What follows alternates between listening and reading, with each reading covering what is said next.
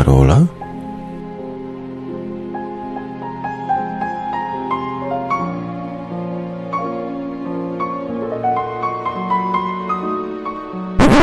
Pire ze smalcem. Nie ma smalcu, z dżemem są pire. Dobrze, niech będą.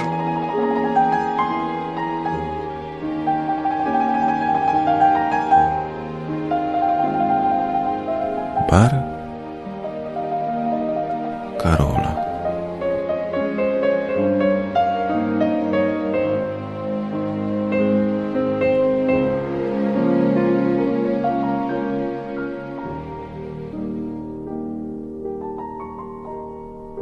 Dobry wieczór. Odcinek number one. Dobry wieczór, kochani. Witam Was bardzo serdecznie. Udało mi się znaleźć jeszcze krótszy, jeszcze krótszą nazwę odcinka, więc mogę nagrywać dalej. Yy, Szykują się duże zmiany. Szykują się duże zmiany w naszym barze, ponieważ nie jest to jakaś mordownia, tylko kulturalny bar wyższej kategorii. Dlatego postanowiłem zatrudnić dormena, który będzie Was witał za każdym razem, kiedy będziecie przychodzić do naszego baru. Co my tu mamy dzisiaj? Spójrzmy tylko. No niewiele mamy. Sprawa jest taka, że nagranie jest nieco spóźnione. Z ogromnym poślizgiem. No bo tak, a, skrzypi. Skrzypi jak jasne, jak jasne z modrym. Mój fotel prezydencki. Nagrałem już jakiś czas temu, bardzo dawno temu, audycję. No i mm, nie zapisałem jej w pamięci. Zamknąłem komputer. Potem go otworzyłem jeszcze 35 razy i zamykałem. No i w końcu audycja poszła się ciąć albo chlastać. Zależy jak to woli. W jednym z ostatnich podcastofonów, którego teraz również pod adresem Radia Kontestacja słuchać można, usłyszałem krytykę tejże właśnie kontestacji. Kontestacja kontra kontrstacja albo właściwie odwrotnie, kontrstacja kontra kontestacja, ponieważ to właśnie prowadzący kontrstację wyrażał się krytycznie o kontestacji. Można by powiedzieć, że żmije na własnym mymłonie wychowali. Zarzut brzmiał, że kontestacja jest populistyczna. No i niestety muszę się po części zgodzić z tą tezą. Już kiedyś zwracałem uwagę na antenie, że poruszają się w niebezpiecznym kierunku. Tworzy się takie towarzystwo wzajemnej adoracji, a postawa na nie jest w kontestacji niepopularna. Nawet jeżeli prowadzący zawsze mówią, że właśnie czekają na kontrowersyjne telefony. Słabo mi się robi, kiedy słyszę na antenie pytanie od Martina, a ty jak myślisz? I odpowiedź, no ja myślę tak, jak myśli prowadzący. To może jest idealny grunt, żeby przygotować sobie jakieś bojówki, ale wydaje mi się, że autorom nie o to chodziło. Twierdzą, że chcą skłonić ludzi do myślenia. Czasem jednak mam wrażenie, że jeśli zadzwoni ktoś o odmiennych poglądach, całą swoją energię spożytkowują nie na rzeczową dyskusję, lecz na próby zbicia z tropu słuchacza. Tak, żeby poczuł się niepewnie. Stracił orientację, pogubił się i już po dyskusji. I dalej można spokojnie klepać się po ramionach i opowiadać, jacy jesteśmy świetni. Oczywiste chyba jest, że jeśli spytamy 16-latka, wolisz robić prawko, jak będziesz miał 17 lat, 22 lata, czy może lepiej, żeby nie było prawa jazdy, jego odpowiedź będzie jedynie słuszna. A taka jest właśnie publiczność kontestacji. Młoda i wzburzona. Hugo rzuca w przestrzeń takie na przykład zdanie. Jedzie sobie kierowca pijany na przykład, wszystko jedno, to jego sprawa. Znaczy, dopóki innym nie szkodzę, wszystko jest w porządku.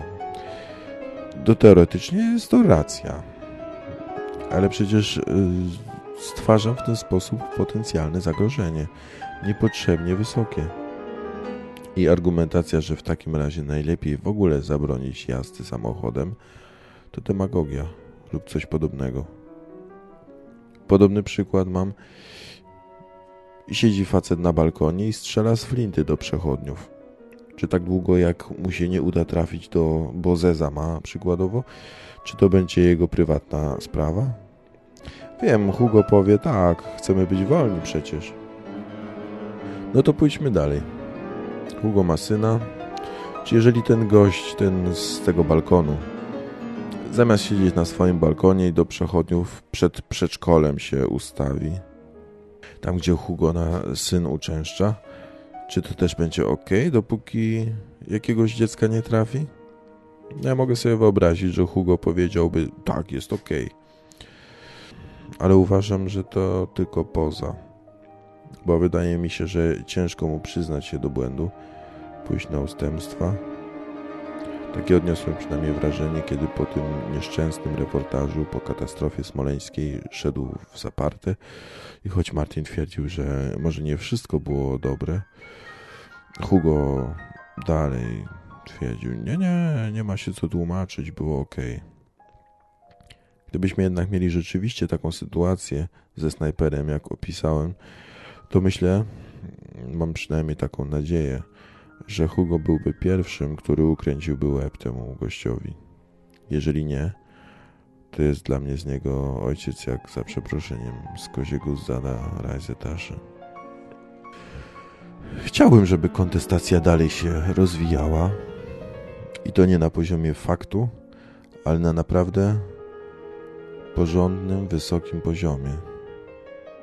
Zdaje się przecież, że mają naprawdę wysoką słuchalność, więc czy muszą się uciekać do takich metod?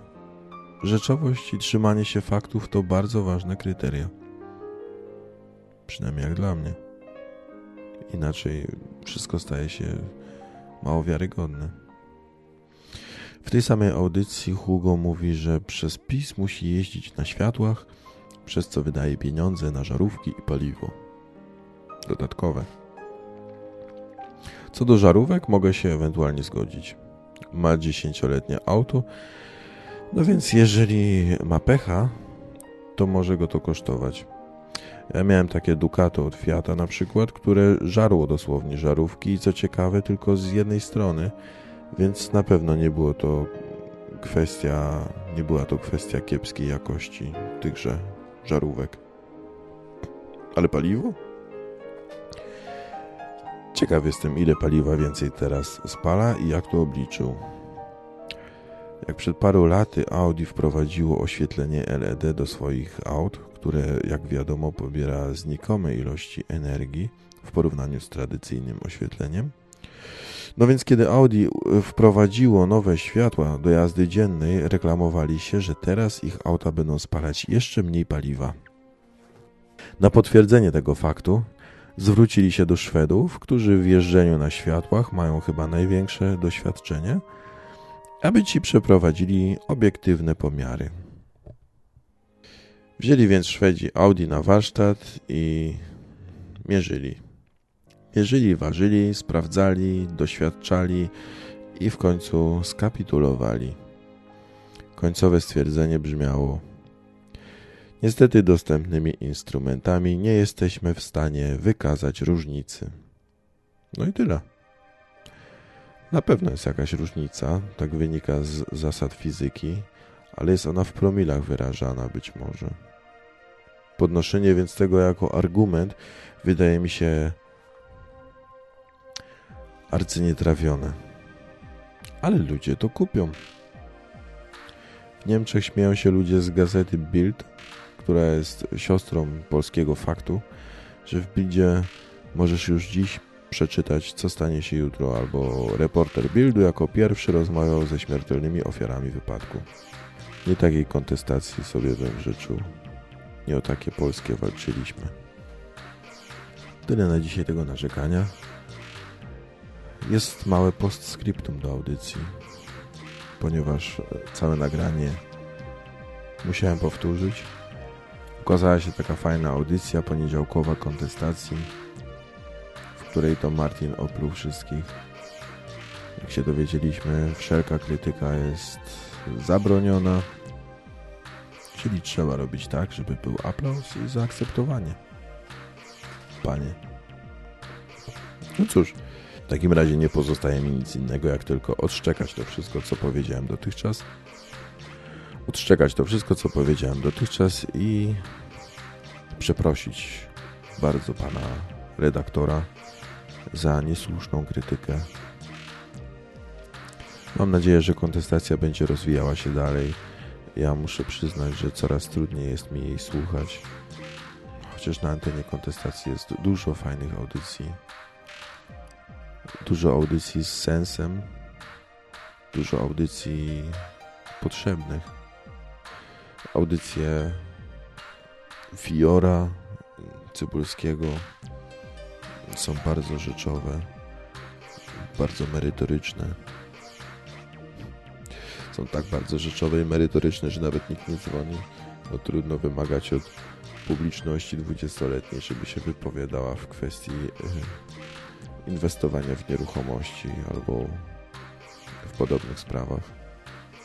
Co do audycji prowadzonych przez Martina i Hugo, uważam, że nadal że są potrzebne, bo poruszają takie tematy, które dotykają nas wszystkich, nawet niezależnie od poglądów na kwestie rynkowo-polityczne, ale często pojawiają się bardzo trudne tematy, bardzo istotne tematy, właściwie może bym powiedział.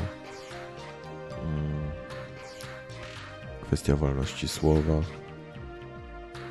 wolności dostępu do internetu, wolności dostępu do dzieci. Myślę, że chłopaki powinni dalej robić to, co robią, bo robią dobrą robotę. Tylko nie powinni się dziwić, jeżeli ludzie dokonują własnego wyboru, bo w końcu o to im chodziło. Kończę na dzisiaj. Pozdrawiam Was bardzo serdecznie. Życzę Wam dobrej nocy. Słuchaliście baru Karola, a mówił do Was Wasz barman. Dobranoc. Każdy może, prawda, krytykować.